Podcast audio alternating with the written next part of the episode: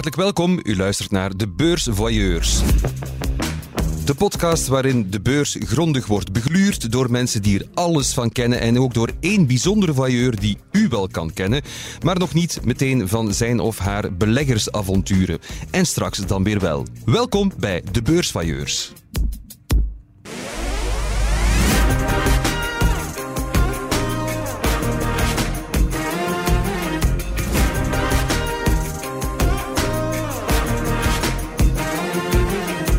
Elke week krijg ik het gezelschap van een bekende belegger en van twee beursvoyeurs. Dat zijn deze week Bas van der Hout, financieel journalist bij De Tijd, en Gert Bakelands, hoofdredacteur van De Belegger. Dag allebei.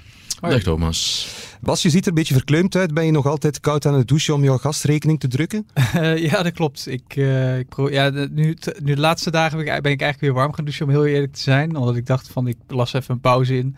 Ah ja, je uh, was het beu. Je dacht, ja, het, is, het, lost, het is opgelost. Ja, nou, ik sport nu ook wat meer. En ah, ik, ik geloof dat het ook niet zo heel goed is om, om dan altijd koud te douchen. Maar ehm, ik, ik heb het wel een stuk of vier weken gedaan of zo. Maar dat is wel heel, heel knap. Dat is betrekkelijk Spartaans om de ochtend uh, in te gaan met een ijskoude douche. De, doe je het echt om, om je rekening een beetje naar beneden te krijgen? Of zit er nog meer nou, achter? Nee, het, was eigenlijk vooral uh, ja, wat ik toen zoiets had van... Uh, ja, dat, ik, ik, wil, ik wilde geen, niet dat er geld van mij naar Rusland ging. Ja. dus nu, ik douche nu gewoon heel kort. Dus, maar, maar niet meer koud eigenlijk. Ja. Maar misschien dat ik het nog, nog ga doen hoor. Maar op dit moment, ja... Je doucht nog, dat is eigenlijk het belangrijkste. En misschien ook wel een voorbeeld ja, anders, als, als, iedereen dit gaat hier, doen. Dan gaan we dat merken aan de beurs natuurlijk. Hè. Dat, is, uh, dat is eigenlijk een heel erg mooie tip die je meteen al meegegeven hebt. Ik, gelukkig douche ik nog wel. Dus, ja, ja, dat waarvoor dank. Dus kon je die niet zitten, denk Nee, nee, ik ben heel blij, want je zit dichtbij. Hartelijk welkom, beste Bas. Dag Gert. Hey. Beste Gert, ik moet jou meteen feliciteren, want je, je was jarig, toch?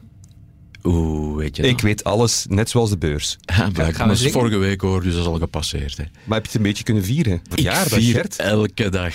Elke dag, Thomas. Wordt dat gevierd op de redactie? Het is de chef dat meestal moet tracteren. Ah, ja. uh, het, is, het, is, andersom en uh, met veel plezier. Maar oh god, ja, dat, dat, dat elke dag dient om gevierd te worden. Dus, uh... Dat is waar. Elke week zit er ook een bekende beursvoyeur aan tafel. Een persoon die zonder morren zijn portefeuille en zijn hart op tafel legt. En deze week is dat stand-up comedian Arnoud van den Bossen. En als je zo wordt aangekondigd, ja, dan, dan is er meteen die verwachting dat het eerste wat je zegt meteen ongemeen grappig is en je dat altijd bent. Is dat ook zo bij jou, Arnoud? uh, ja, was dat maar waar? nee, dat is eigenlijk, ja... Je hebt je podiumpersonage, je hebt je echt personage natuurlijk ook. Hè. Dus, ja. uh, en hoe zit je hier vandaag als ingenieur? Want dat ben je ook nog eens, hè? Ik ben hier even op de redactie geweest, dus ik zie allemaal serieuze mensen die met geld bezig zijn. Ja, dan is het altijd wat serieuzer, precies. Dus ik ga dat proberen. Ik weet niet dat het gaat lukken om, om serieus te blijven. Dus, ja. Is dat hier altijd serieuzer, Gert? Uh, we zijn alleszins niet met geld bezig. Hè. We zijn met bedrijven bezig. We zijn met, met, met de wereld zijn we eigenlijk bezig. Dus dat, dat wil ik al even rechtzetten eigenlijk. Wel, ja, dus inderdaad serieuze mensen. Dat hoor je er meteen een rechtzetting. Ja, ja. Bij, bij, ons, allee, ik heb op verschillende bedrijven gewerkt en telkens dat je op de financiële afdeling kwam, werd er stiller gesproken. Ah, ja. Dat was altijd zo van, we gaan hier niet te luid spreken. Maar dat gaan we veranderen. Ja, ja, ja inderdaad. Dat, dat valt wel mee hoor. Ja, ja valt mee? Oké, okay, ja, cool. Arnoud, wanneer ben je eigenlijk met comedy gestart? Als je het helemaal wil weten, uh, in mijn studententijd ben ik begonnen met zelfs goochelen. Uh, echt? Echt kaartgoochelen, ja, echt waar. En dan op café trucjes doen om gratis te drinken, zodanig dat ik die kosten kon besparen uh, aan drank. En dan heb ik zo ja, meegedaan aan die revues, waar dat je zo die proffen imiteert, naar wat Ja, ja. geschreven. En en dan ben ik beginnen werken en dan uh, heb ik eigenlijk zo mij aangesloten bij een groot biermerk en die deed een stand-up tour. En Ja. toen waren die gelinkt aan droge humor. En, en die deden ze van alle cafés en die zochten toen comedians. En, en toen was de, de impro-scene ook heel actief in Gent. En, en heb ik mij daarbij aangesloten. Niet als uh, impro-acteur, maar ja, dat toch in doog gehouden. En, en, en dus eigenlijk, ja... Maar dat was toen, ja, dus, de, als de muziekband aan het soundchecken was, dan mocht je comedy doen. Oh ja, dat, heel dat, dankbaar. Ja, dat was echt fantastisch. Ja. Zo. Dit is wel heel grappig, want ik heb toevallig ook uh, ge geïmiteerd ook. Uh, dat is ook een paar keer dan op tv geweest en Ja. radio. Dus dat, Oh, je deed mensen na. Je... Ja, ik heb dat gedaan, ja. En wie deed, wie deed je dan zoal na? Ja, uh, gewoon bekende Nederlanders was dat toen. Hè. Dus, Kom aan, Bas. Uh, Laat maar ja, horen. Daar Geert Ja. Wilders bijvoorbeeld. eh, Echt? is- weet je, maar ik, ik weet niet of ik het nu nog kan. Ik zou het echt niet doen. Toch eens proberen, denk ik. Nou, mensen, het is eh, werkelijk schandalig eh, wat hier eh, gebeurt in dit land. Ehm, ehm, het is te gek voor woorden. Ehm, Schitterend. Ik weet niet of die Oh. goed was. Het is een tijd geleden. We, we leren alleen maar bij. Fantastisch. Maar vanwaar jouw fascinatie eigenlijk voor de beurs, Arnoud? Want de beurs en comedy, dat lijkt mij heel ver van elkaar af te staan, maar misschien zit er ook wel heel veel humor in de beurs. Eh, ik, ik vind van wel, want als er, eh, als er één karaktertrek is dat je moogt hebben in je job op de beurs, en dat is panikeren. In geen enkele job mogen dat doen, behalve op de beurs. Dus, en wat, wat ik er mooi... Dan wel als eerste, Arnoud, want anders ben je te laat. hè. Ja, ja, maar inderdaad. Hoe vaak lees je niet? Er is paniek op de beurs. En als je die beelden ziet van vroeger, van die traders, of die brokers, wat is het? Ja, wat ik er ook leuk aan vind, is dat het, het lijkt rationeel, maar het is ook heel irrationeel. Er zitten veel emoties. Men doet alsof men de hele tijd rationeel is. En het heeft ook veel met geloof te maken. Dus die tegenstelling trekt mij wel aan. En eigenlijk, ja, als ingenieur, wat trekt mij daar ook in aan, is dat dat, dat lijkt een black box, dat heel moeilijk is, wat van op afstand, en dan wilde dat ontrafelen eigenlijk. Hoe zit dat echt in elkaar? Ik heb mij laten vertellen, Arnoud, dat het jouw allergrootste talent is om in te stappen in het minst renderende aandeel. Vertel, wat is jouw geheim? Ja, als ik naar mezelf luister, dan eh, ga, ga ik voor een aandeel en dat, en dat zakt dan altijd. Gelijk. Ja. of eh, ik koop een fonds en dat keldert gewoon. Dus Maar zo kan je ook een specialist zijn. Hè? Dan Ja. kan iedereen gewoon toepassen, volg Arnoud wel niet. Voilà, inderdaad. Ja, dat een kan eigen, eigen blad beginnen of beurs. Ja, ik ben eigenlijk zo een vlog zo van, waar ik elke dag huilend zit van de weer 20% verloren. Welke aandeel moet je shorten? Arnoud van den Bossen. Oké, we zijn al iets over onze bekende beursvoyeur te weten gekomen, maar straks zal Wanda, onze stoute vragencomputer bij de tijd, je het vuur aan de schenen leggen, Arnoud. Maar nu eerst blikken we met onze voyeurs terug op de voorbije week. De beursblik. In de beursblik komen we te weten wat onze beursvoyeurs rond de tafel van hun stoel deed vallen afgelopen week. Bas, ik zag al eh, in jouw vlog dat je deze week op uitstap mocht naar Geleen. Ja.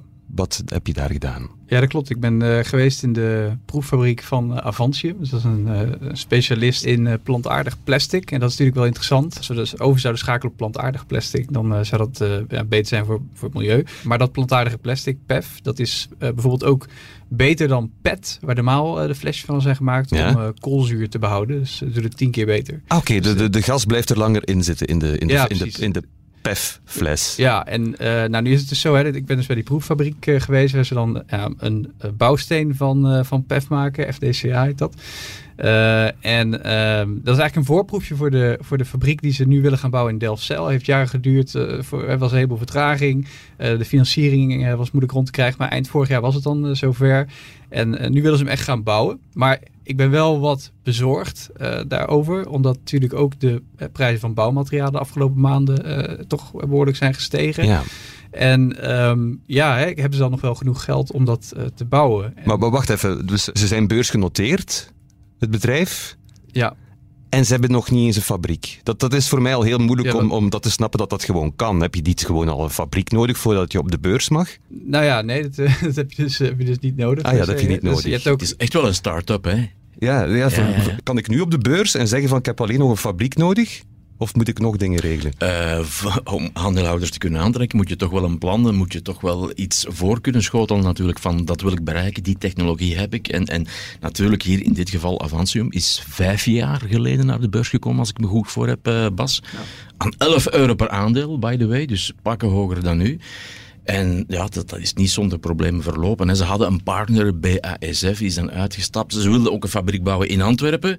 In Nederland kregen ze dan subsidies, dus hop, naar Nederland.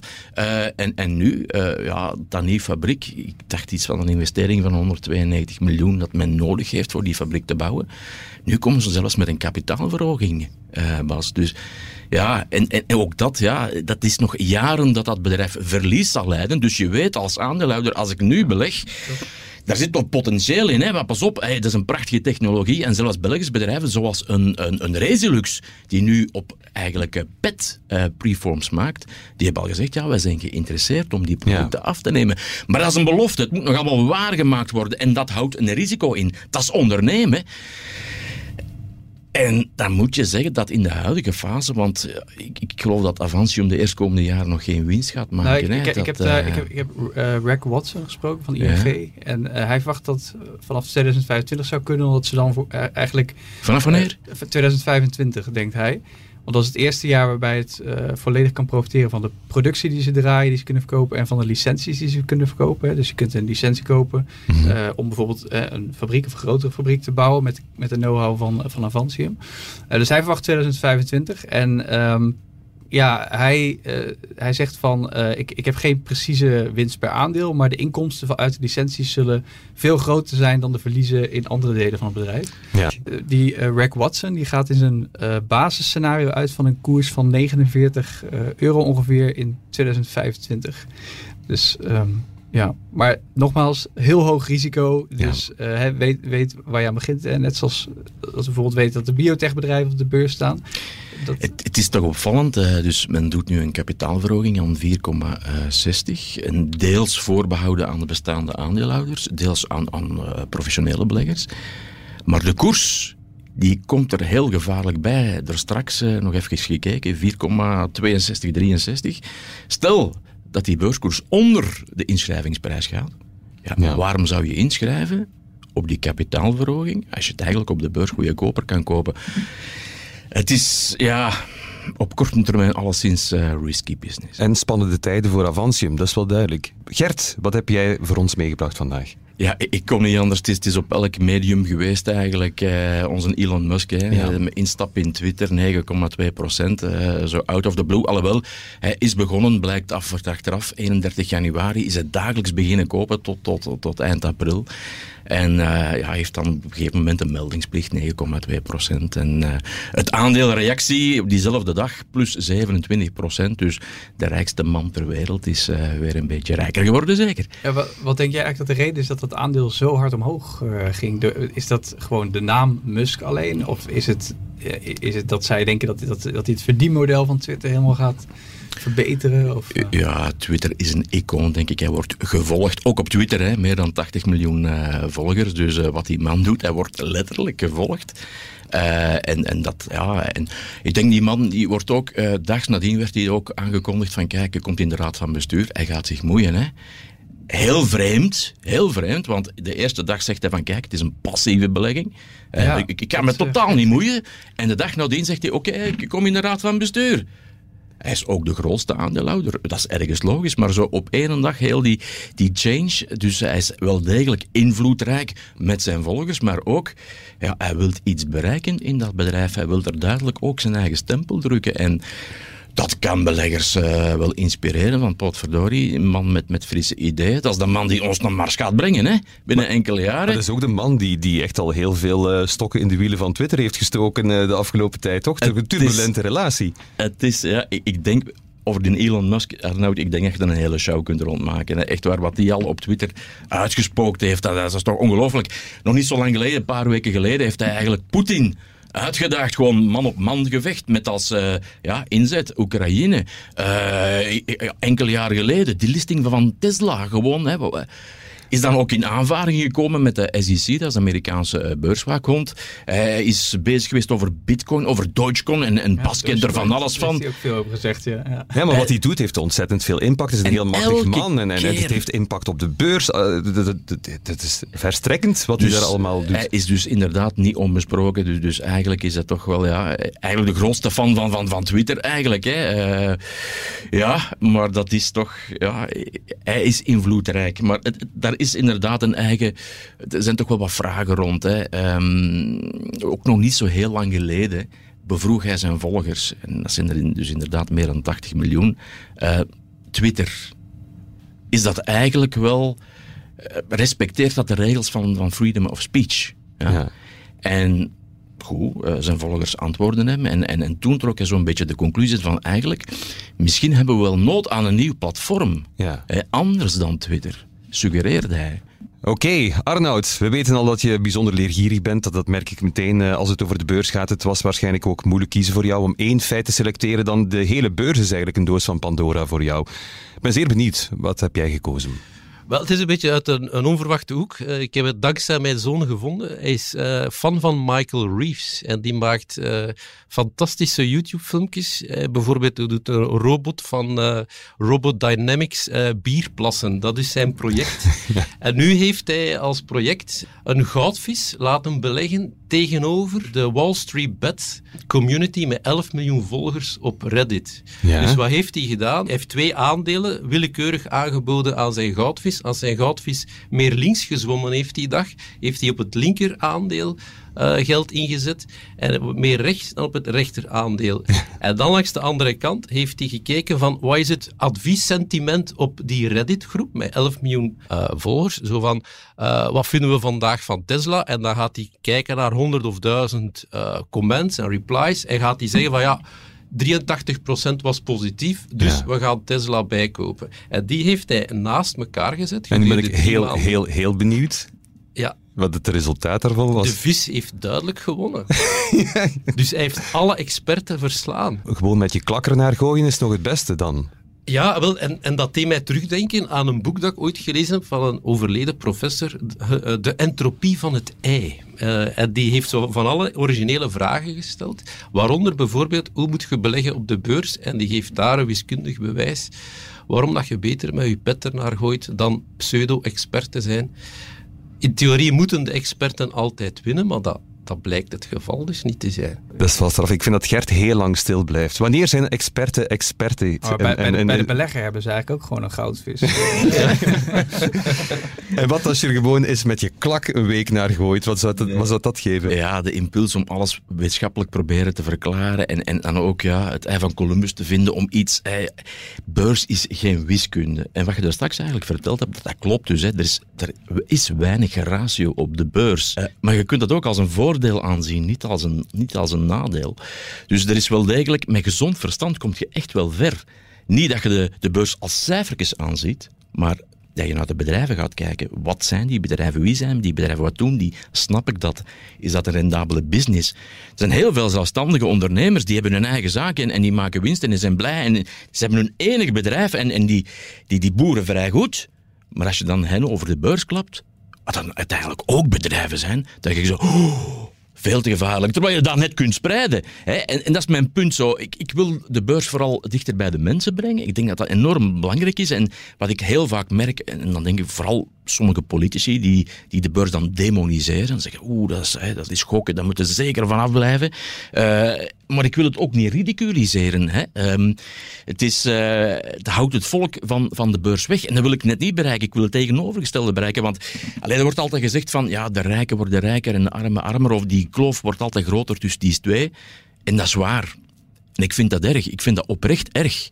Maar dan is er net zoiets als de beurs, waar u en ik ook kunnen uh, ondernemer zijn voor een stukje en uh, ja, dividenden kunnen in een jaarlijks en, en noem maar op. Uh, ja, de, rijken waren worden die rijker omdat die natuurlijk eigenaar zijn van bedrijven. Hè? Maar wij kunnen dat ook op een heel gespreide manier. En dat is ook de reden waarom ik zo belangrijk vind van nu, zeker nu, hè, op het spaarboekje, het geld, de waarde van uw geld smelt weg. Hè.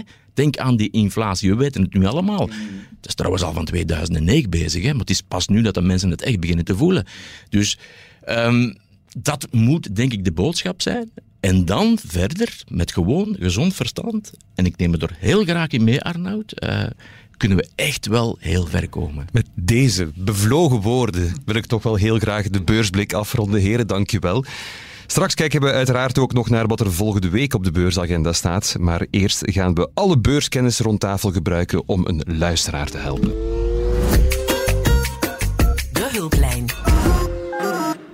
Als barmhartige Samaritanen zetten wij ook vandaag onze beursvoyeurs weer volledig in voor u, de luisteraar. Waar blijft uw hoofd om malen en wat legt u graag eens in de schaal van onze beursvoyeurs? Vandaag legt Jurgen Nobels, onze beursvoyeurs, het vuur aan de schenen met een vraag waarop hij niets minder dan een deskundig antwoord verwacht. Dag Jurgen. Goedemorgen, heren. Beste Jurgen, wat is jouw vraag? Ik heb een vraag voor de, de beginnende belegger, want dat, ja, dat, ben ik zelf ook. In die zin dat ik me de laatste toch al jaar echt verdiept heb in de werking van de beurs, aandelen en alles daar rond uiteraard. Ik ben op het punt gekomen denk ik dat ik klaar ben om eraan te beginnen. Ik denk dat ik een solide beleggingsstrategie heb neergeschreven. En ja, ik, ik wil er gewoon inspringen. Maar gezien de huidige ja, post-corona en geopolitieke situatie, vraag ik me af of dat nu eigenlijk echt het moment is. Uh, ze zeggen wel never waste a good crisis, maar tegelijkertijd staan de beurzen toch best hoog of, of zijn zeer volatiel op, sommige markten. Dus ja, ik weet het eigenlijk niet zo heel goed op dit ogenblik. Uh, ja, dat is altijd, uh, moet je nou instappen of niet? dat is altijd een beetje een, dat is een moeilijk, moeilijke vraag, want niemand weet echt goed of staan de markt nou hoog of laag, of de hoogte laag. Dus je, ja, ik zou zeggen dat je inderdaad gespreid, uh, wat we al eerder besproken hebben, dat je dus wel begint met beleggen, maar dan gespreid. Hè, dat je, dat je in, in delen, bijvoorbeeld iedere maand zoveel 100 euro of zo aan, uh, aan beleggingen, uh, aan aandelen koopt of trekkers koopt. Mhm. Dat je goed gespreid zit en dan, ja, dan, dan koop je nooit, of af en toe zul je misschien eens een keer op de top kopen, hè, maar dat is, je, je koopt op hoge en op lage punten. Ja. En doe je dollar cost averaging. En met die strategie kan je eigenlijk op het even moment instappen ja, want, in de beurs. Want, want het punt is eigenlijk dat, dat vooral waar, waar je met de beurs het meeste geld aan verdient, is dat je eigenlijk hè, voor een lange termijn erin zit. Want dan krijg je dat rente op rente effect, zou ik maar zeggen. En dat is de, de, grote winst die je kunt behalen. En als je gaat uh, proberen om, om de toppen en de dalen te voorspellen, dat is vaak een stuk moeilijker. Waarom je dat, Gert? Eh, ik vind het heel interessant. Ik wil een vraag stellen aan meneer Nobels. Je bent al twee jaar bezig en je hebt dus nog geen enkel aandeel gekocht, is het zo? Ja, eerst financieel dat natuurlijk sterk genoeg staan. Uh, dat is een van de basisregels, heb ik ook geleerd dankzij uh, de tijd podcast en zo. Mm -hmm dan wil ik, wil ik echt wel goed voorbereid zijn. Ik wil nu zomaar aan beginnen, omdat veel mensen zeggen van spring op die crypto, doe dit, doe dat, maar zo ben ik niet. Ik wil weten wat ik aan begon en ik ben, nu op wel, ik ben nu op dat punt. En ja, na twee jaar instuderen zou het ook wel, uh, weet ik ondertussen nog dat, dat ik gespreid moet investeren. Dus ik vraag me eerder af van, oké, als ik dan nu instap, oké, je doet gespreid, maar je kunt altijd wel spelen met meer of minder instap. Mm. Uh, is het dan nu het moment om wat lager in te stappen maandelijks? Of, of, of, toch wat een hoger bedrag? Of is dat moeilijk te voorspellen? Kies ik ergens de middenmoot? Het is altijd een goed moment om te starten. Op voorwaarde dat je, dat je het volhoudt. En inderdaad, elke crisis is een kans. Maar dan mag je niet gefocust zijn op die korttermijn schommelingen. Want uh, ja, nee, nee, er is altijd wel iets. Het kan altijd dalen en stijgen. Het, het risico, maar, risico, is inderdaad dat je, dat je gewoon nooit gaat, gaat beginnen met beleggen. Dat je denkt, ja. ik moet maar twee jaar voorbereiden is, is wel echt heel grondig. Hè? Dat is een... Ja, uh, al de respect natuurlijk. Maar, maar ja, je moet op een gegeven moment uh, starten. En dan mag je niet je laten misleiden wat op het nieuws komt. Hè? Want inderdaad, de ratio op de beurs, dat vind je bijna niet. En, en als je nu start, loop je inderdaad het risico dat je binnen een maand misschien 5 of 10 procent lager had kunnen starten. Hè? Maar dat, we moeten niet proberen te voorspellen. Die Madame Soleil, dat zijn we niet. Dat moeten we ook niet willen. Uh, maar we moeten ook ons niet, niet laten afschrikken door wat er in de wereld gebeurt. We moeten, moeten starten. Hè? Ik, zelfs, zelfs als je denkt van, ja, het is misschien nu te duur. Ik kan mij een situatie uh, herinneren, um, december 1996. Alan Greenspan. Dat was de toenmalige voorzitter van de Amerikaanse Centrale Bank. En de jaren 90 waren fantastisch voor de beurs. Hè. Het steeg en steeg en het werd maar duurder en duurder. En toen, op die man, heeft hij de, de gevleugelde woorden uitgesproken van irrational exuberance. En eigenlijk wie tussen de lijnen kon lezen, die zei van, mensen, het is hier zo hard gegaan, het is zo hard gestegen, totaal irrationeel. Eigenlijk kon je tussen de lijnen lezen, misschien moet je wel verkopen. Dat was dan de machtigste centrale bankier de wereld. Als iemand het kon weten, dan zal hij het wel zijn, mhm. denk je dan. En dan moet je weten dat 1997 en 1998 eigenlijk de twee beste beursjaren van de jaren 90 dan nog eens waren. Om maar te zeggen, van, probeer dat niet te voorspellen. Start maar, maar hou in het achterhoofd, inderdaad, de beurs schommelt. Dat is nu eenmaal ja, die ratio die er niet is. Dat, dat is de emoties die er leven. Hè, door alles wat er in de wereld gebeurt. Dat is ook het mooie van, van de beurs, van de financiële markten. Maar maak er een verhaal van dat dat lang volgehouden wordt. En maak er ook een verhaal van, van, van het bedrijf zelf. Hè, en niet zozeer van, van de markt in het algemeen. En dan, hoeft, dan mag u dat ook niet afschrikken. Maar je moet er wel rekening mee houden ja, dat je tijdelijk natuurlijk in het verlies kunt zitten. Arnoud, hoe, hoe lang heb jij je voorbereid voor je de stap zette? Uh, eigenlijk, Ik heb uh, lang er niet mee bezig geweest, omdat het mij eigenlijk niet interesseerde. Uh, maar om een of andere reden, ik denk dat het dankzij de tijd was, dat jullie mij erin gezogen hebben, op een of andere manier. Uh, Klinkt als een maffia nu. Ja, ja ik, ik, zit nu, welcome to the dark side. Zo, en eigenlijk, wat dat ik gedaan heb, ik heb... Um, ja, mij, mij wat gewoon verdiept via YouTube-filmpjes, ja, wat artikels gelezen, de tijd, de, wat dat ik ook kon vinden. Uh, en dan gewoon zo een online uh, bankplatform geopend, dat is gratis. En je zegt van, hoeveel euro's gaan geen pijn doen dat ik dat kwijt ben? En dat is mijn zandbak. En ik heb dat gewoon gezien als, dat is een zandbak. En als dat kapot gaat, is dat kapot dat geld, is dat weg. Dat is spijtig. En dus dat is relatief klein, dat bedrag, waarmee dat ik begonnen ben. En, uh, en natuurlijk, wat dat je dan merkt, is dat je gewoon domme beginnersfouten maakt. Hè. Dus ik ken het toen het verschil niet tussen kapitaliserend en distributief fonds. Kende ik, toen niet. Oh ja, dan, ik weet dat nu. Hè. Allee, ja. Maar ik heb daar ook niet veel geld in gestoken. Ja. Eh, dus, dus uh, dan zeg je gewoon, ja, die hobby ga ik even niet doen. Ik heb nu een andere hobby die, die ook geld kost. Hè. Dus je gaat er gewoon vanuit dat je enkele maanden er wat geld gaat insteken als een hobby. En je verwacht eigenlijk geen, geen winst terug. Beste Jurgen, ik ben heel blij met de fijne vraag die onze voyeurs hebt eh, gesteld. Ik hoop dat je tevreden bent met het antwoord en je de stap zet, natuurlijk.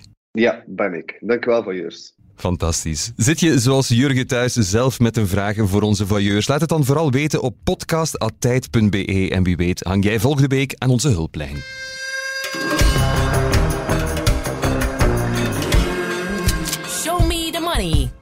Arnoud, tijd om eens dieper in jouw beleggingsportefeuille te duiken. In Show Me The Money legt Wanda Buffett, onze vragencomputer bij de tijd, onze bekende beursvailleur, het vuur aan de schenen met vragen die nogal direct en wel eens vrijpostig kunnen zijn, want zo is ze wel, ons Wanda. Dat moet ik eerlijk toegeven.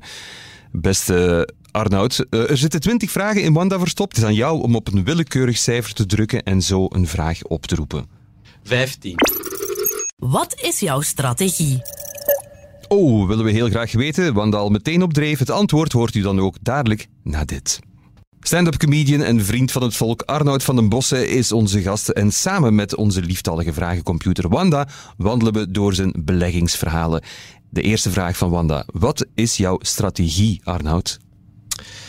Ik, ik moet zeggen, ik heb die strategie van mijn vader geleerd. Uh, en die heeft nog gewerkt in redelijk grote bedrijven. En die had toen het geluk dat hij werkte voor iemand van de oude Waalse adel.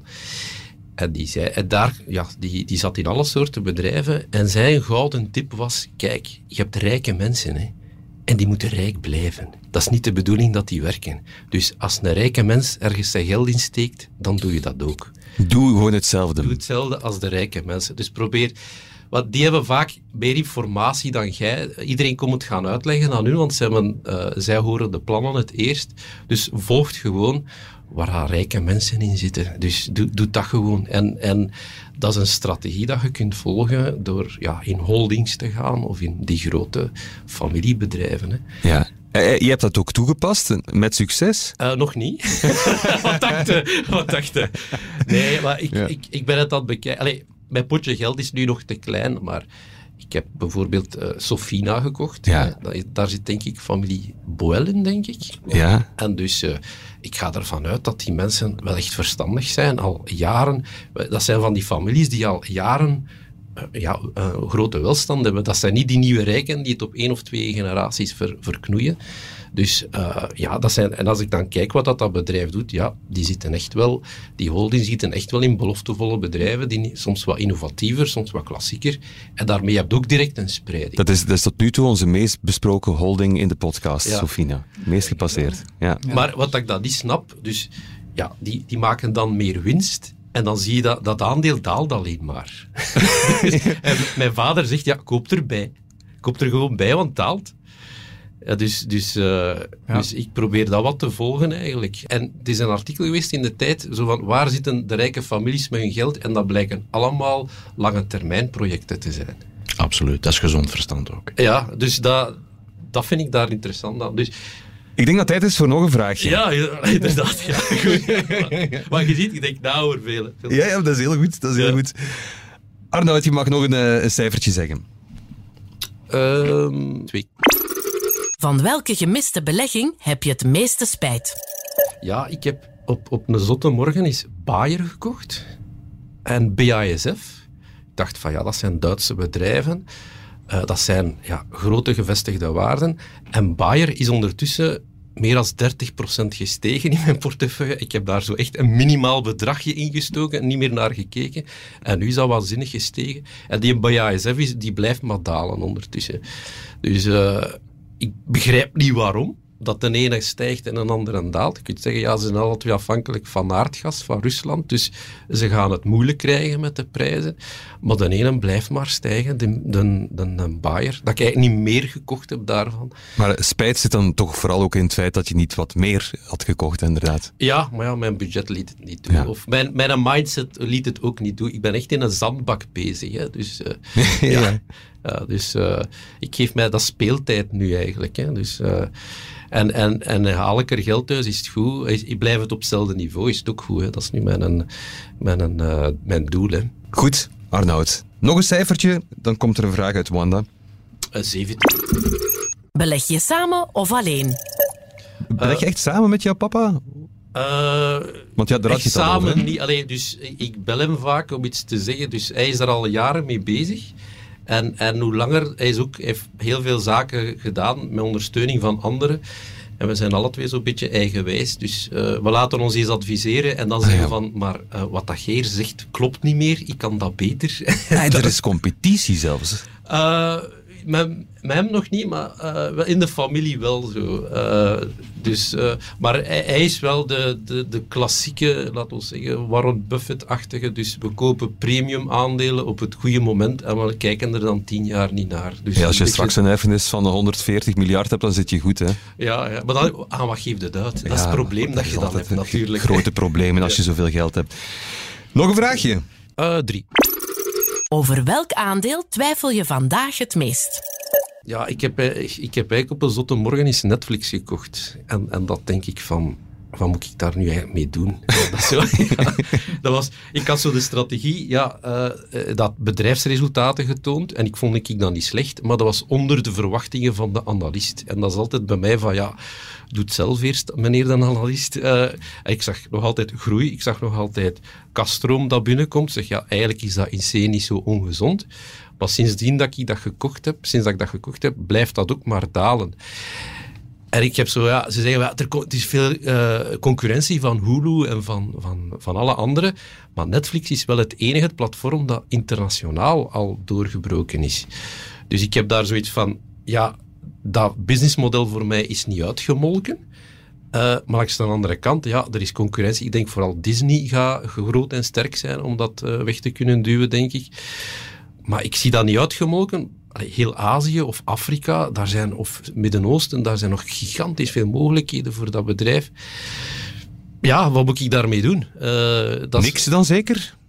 Ja, het, is natuurlijk wel zo dat ze natuurlijk een enorme boost hebben gehad door die pandemie. En dat dat natuurlijk nu, nu weg lijkt te vallen. Daarbij, maar iedereen heeft zich suf gegaapt op, op, op, ja, op Netflix. Die had, die niets anders te doen. helemaal niks anders te doen uh, dan, dan of wel gamen of Netflix kijken. De vergelijkingsbasis wordt moeilijk als je vergelijkt met een, een ja. jaar uh, dat dat geweldig is geweest. Ja, ook al groei je dan nog.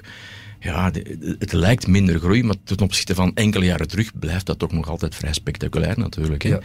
En ook het aandeel zelf, ja, Netflix, het kan misschien de jongste, jongste jaren wat minder zijn. Maar als je kijkt die jaren daarvoor, is dat ook een, een steile opgang geweest natuurlijk. Ook door de timing, wanneer heb je gekocht natuurlijk. Um, ik vrees dat je daar toch de iets langere termijn uh, voor ogen moet hebben, zeker als je op die hogere niveaus gekocht ja. hebt. Wat, wat, wat, mij aantrok in Netflix was het feit dat zij echt wel goede dingen al gemaakt hebben. Ja. Dus die, die Grammys winnen en dus de, de kwaliteit van hun product is ook echt, echt wel goed.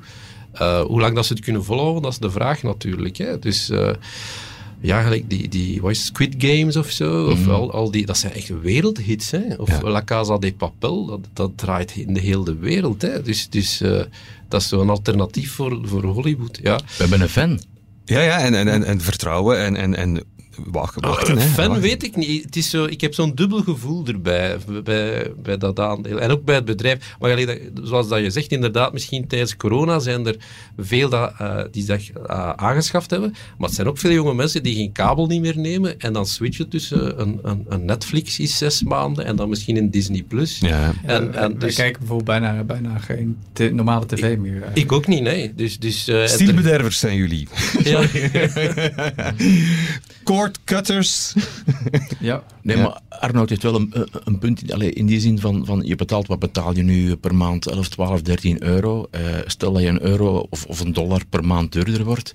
Er zijn we- weinig mensen die afhaken. Dus ze hebben wel een bepaalde prijszettingskracht. En misschien kan dat een beetje hoop geven. Ja, ik, ik heb ook gedacht van, ik heb nu twee jaar in corona gezeten, echt niks te doen. Het laatste waar ik aan dacht om, om op te geven was Netflix. Hè. Dat is Dus. Dat is, ja, wat, wat ga je anders doen? Ja. Dus zelfs als de economie heel slecht gaat, dan is er altijd nog Netflix om je mee bezig te houden. ja. Dus, Ik dacht dat dat wandelen was. nee, jongen. Dat is, Nog een nummertje. Ah, vier. Hoeveel tijd besteed je aan beleggen? Ehm goh, dat, dat weet ik eigenlijk niet. Als ik moest kijken naar mijn, mijn YouTube-filmpjes, dan kijk ik toch misschien een half uur per dag of zo. Dat ik eens kijk. Maar dat ik effectief in actie schiet of zo, om iets te doen, dat is misschien twee keer per maand, een kwartier of zo maximaal. Maar ik zit nu echt in de mee. fase dat ik mij probeer in te werken. En, te- en voor mij is het ook belangrijk nu, wacht, hoe ga ik om met, eh, met bepaalde eh, zaken. Bijvoorbeeld, ik, ik heb ook zo een appje van, van een buur aangeraden gekregen. Je moet bitcoins kopen. En ik zeg, ja, we gaan, of cryptocoins. Ik versta er niks van. We gaan die app installeren en we gaan dat ook een keer proberen. En mijn ding is van, hoe reageer ik emotioneel op verliezen of iets dat heel volatiel is? Of iets waar, nee, dus dat wil ik leren kennen van mezelf eigenlijk. Dus ik zit nu in die ontdekkingsfase. Ga ik direct zeggen, "Ah, ik moet verkopen? Of ga ik zeggen, wat bijstort, het is aan het? Dus hoe ga ik daarom? En hoe ga je daarmee om? Eigenlijk... eh, Hij, heel hij kijkt naar zijn goudvis. Ja, eigenlijk wel. Ja. Ik kijk naar Netflix ondertussen. zo. Omdat ik de mindset heb van ja, ik- het is, het is, eh, dat geld dat ik erin steek is zoals een hobby. Hè, of of Ja. eh, zoiets, eh, een miskoop of, of gaan eten in een restaurant dat u niet aanstaat. Hè, dat, dan ben je ook 50 euro kwijt. Hè. Spijtig, ja. Dus we, we hebben er iets uit geleerd. Dus dat is mijn mindset nu eigenlijk. En ik hoop dat ik break-even ga zijn. Ja. Prachtige vergelijking alweer. Dankjewel, beste Arnoud. Bedankt voor je openhartigheid en je boeiende beursverhalen. De blik vooruit. Ook deze week nemen we graag een voorsprong op de week die komt. En dus ben ik zeer benieuwd waar onze beursvoyeurs nu al naar uitkijken. Wat is dat bij jou, Gert? Goh, de, de beursagenda is vrij leeg de komende weken. Het resultatenseizoen in de Verenigde Staten begint pas eigenlijk goed binnen, binnen twee weken. Dus eh, ik heb toch gekozen voor, en dan kijk ik vooral naar de maand april, ergens mei ook, naar het seizoen van de jaarvergaderingen. En ik vind dat enorm belangrijk, dus ook voor particuliere aandeelhouders. Dat geeft eh, gewone beleggers zoals wij de kans om het management te ontmoeten, om vragen te stellen.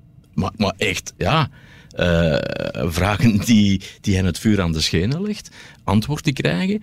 Achteraf is er meestal ook een, een, een receptie, dus je kan eh, spreken met gelijkgestemden, met, met, En het kan met terug collega. fysiek nu ook natuurlijk. En het kan inderdaad Ja. fysiek. Het zal, het zal de beide zijn, hè. Ehm, zo zal dat tegenwoordig zijn. Maar het kan opnieuw fysiek, dus dat glaasje kan er opnieuw bij. Eh, het, is, het is een uitstap. En dat is heel simpel. Hè. Mensen denken van oei, oei, dat is zo moeilijk en dit en dat. Nee, dat kan allemaal vrij eh, simpel door... Je moet wel een bewijs voorleggen dat je aandeelhouder bent. Ja, best wel, ja. Maar gewoon uw broker of bank even, eh, dat kan online tegenwoordig zelfs, hè, contacteren. Van, en dan kan je eh, zeggen, met oké, met zoveel aandelen wil ik stemmen, want je kan ook meestemmen. Niet dat dat een verschil zal geven, dat denk ik niet. Maar hè, je moet wel voorleggen dat je aandeelhouder bent. En dat kan vrij simpel. eh, en bij heel wat brokers en, en banken zelfs tegenwoordig ook kosteloos. Niet bij iedereen, hè, dus kijk dat even Checken, na. ja. Maar het is zo verrijkend. En trouwens ook, enkele weken voor die jaarvergadering moet ook het jaarverslag gepubliceerd worden. En dat wordt zo vaak onderschat. Daar zat zo een schat van informatie in. Arnoud, eh, dat kwartiertje, die YouTube-filmpjes, even parkeren, pak zo een jaarverslag van een bedrijf dat je interesseert. En dat is zo verrijkend, man. Echt waar. Is dat iets wat, wat jou aantrekkelijk lijkt, een jaarverslag van een bedrijf uitvlooien? Uh, eerlijk gezegd niet, maar langs de andere kant wel. Want uh, ik heb zo uh, een kameraad die, die dat nog moeten uitschrijven heeft. En er is ook een bepaald jargon. Bijvoorbeeld, ze kunnen nooit schrijven dat ze verlies gemaakt hebben. Ah, ja. Er zijn allemaal variaties op. Je hebt negatieve winst. het, is, het, is, beneden de verwachtingen. De het, is, het is nooit verlies. Het is, ja. het is hoe dat, dat, verbloemen maar. Ja, verbloemen maar. Ja. Nee, dus- maar je leert ook vooral het bedrijf kennen, wat ze doen, wie de concurrenten zijn, in welke markten ze aanwezig ja, ik denk zijn. Dat, dat... Het is zo echt, het is je krijgt voeling met het bedrijf. En als je dan nog eens uh, met het management kan afspreken op, op die jaarvergadering. Maar ik, ik, zie dat eigenlijk wel zitten, eerlijk gezegd, om, om, dat, om dat te doen. Ja, uh, en vroeger, vroeger waren er veel bedrijven, dat is allemaal geminderd natuurlijk, hè, maar, maar dat je zelfs een, een diner erbij kreeg. Ah, wel, maar ik wil dat eens vragen, want volgens, volgens mij, daar kijk ik ook naar, want ik heb, ik heb een idee voor mijn oude dag. Stel dat je 365 aandelen hebt en 365 jaarvergaderingen waar dat eten gepresenteerd wordt. Als je dat uitrekent, dan heb je ongeveer 20 à 50 euro. Hè? Dus kan je, stel dat dat je 2000 of 5000 euro kost, het rendement dat je daarvan hebt, en, ja, en op ja, den moet duur... Je, moet je nog wel heen rijden met de huidige benzineprijs. Is dat ook en weer, ze zijn niet verspreid over het jaar natuurlijk. Het is meestal Ja. geconcentreerd. Ah, wel, dat, eh, dat was een van mijn plannen dat ik ook had. Om Mij- zo, maar- om, om, dat zou ook rendement zijn. Eén aandeel kopen per bedrijf en daar gratis gaan eten. Hè. Dat Abs- absoluut. Want in de tijd, ik, ik heb ooit eens in, eh, in, in een soort van debat gezeten en we moesten aandelentips geven. En nu spreek ik echt al over, over 20 jaar geleden. En ik zeg, ja, ik heb een, een, een aandelentip uit de voedingssector. Chemie. En heel die zaal van, oh, dat is, dat is geen voeding, hè, dit en dat. Zeg, kijk, hè, het aandeel kost mij 29 euro. Eh, ik ga jaarlijks naar de jaarvergadering. Ik moet maar één aandeel kopen, één keer. Ik kan elk jaar naar die jaarvergadering en ik krijg een voorgerecht, een hoofdgerecht, een nagerecht, voorhand aperitief met glas champagne, een poescafé achteraf. Ik heb me geweldig geamuseerd en dat allemaal voor de prijs van 29 euro. Het beste voedingsaand. Helaas, helaas, eh, meneer Tak eh, eh, heeft het, de, de, de huidige, huidige hoofdaandeelhouder van uh, de Senderlo Chemie heeft het allemaal een beetje afgeschaft. dat voor kostenbesparing. van, eh, Maar wat ook een goed element is natuurlijk voor mij als aandeelhouder. Oké, Bas, waar kijk jij naar uit volgende week? Eh, ja, het resultaatseizoen eh, start. Eh, dus een aantal Amerikaanse banken komen bijvoorbeeld met, met cijfers. En het wordt wel interessant om te zien hoe ze aankijken tegen het huidige renteklimaat. Want De lange rente is natuurlijk eh, eh, behoorlijk gestegen. Dus normaal is dat goed voor banken. Die recycleren kortlopende deposito's en, zetten die om in langlopende leningen. Ehm, maar ik ben toch wel benieuwd wat ze nu gaan zeggen ook over de toekomst. Want dat, dat natuurlijk nu ook zien dat de kortere, kortere rentes af en toe boven de lange eh, uit, eh, uit eh, begint te piepen. Eh, en eh, ja, toch wel benieuwd hoe, de, hoe dat voor hun eh, is. Dus ja, interessant om, om te kijken naar de prognoses en wat, wat zij denken dat de impact is van, eh, van die, eh, ja, die eh, si- rentesituatie op een verdienmodel. Eh, en daarnaast geldt voor alle bedrijven in het resultaatseizoen dat het boeiend wordt om te weten wat, eh, ja, wat zij voorzien voor de impact van de oorlog natuurlijk. Mhm, ja. Arnoud, eh, waar kijk jij naar uit voor de komende week? Eh, wat de jaarverslagen en dat eten. oh ja. Verder nog optredens gepland, Arnoud? Eh, ja, eigenlijk mijn, mijn eh, voorjaar tot aan de zomer zit eivol. Eh eigenlijk allemaal optredens die al twee, drie keer uitgesteld geweest zijn door corona. En eigenlijk nieuwe die erbij gekomen zijn. Eh, en mensen hebben echt zin in om, om te komen. Ik denk dat er nog iets van een paar kaarten vrij zijn in Mechelen of zo. En, en Je al hebt de ze bij, rest is je hebt ze bij. Ja, nee. Ik ga ze verloten onder de luisteraar. Nee, eh, dus, dus het is ongelooflijk. Het is echt van 0 naar 100 procent gegaan op, op een week Fantastisch. tijd. Wat een koers. Ja. Heerlijk. Ja.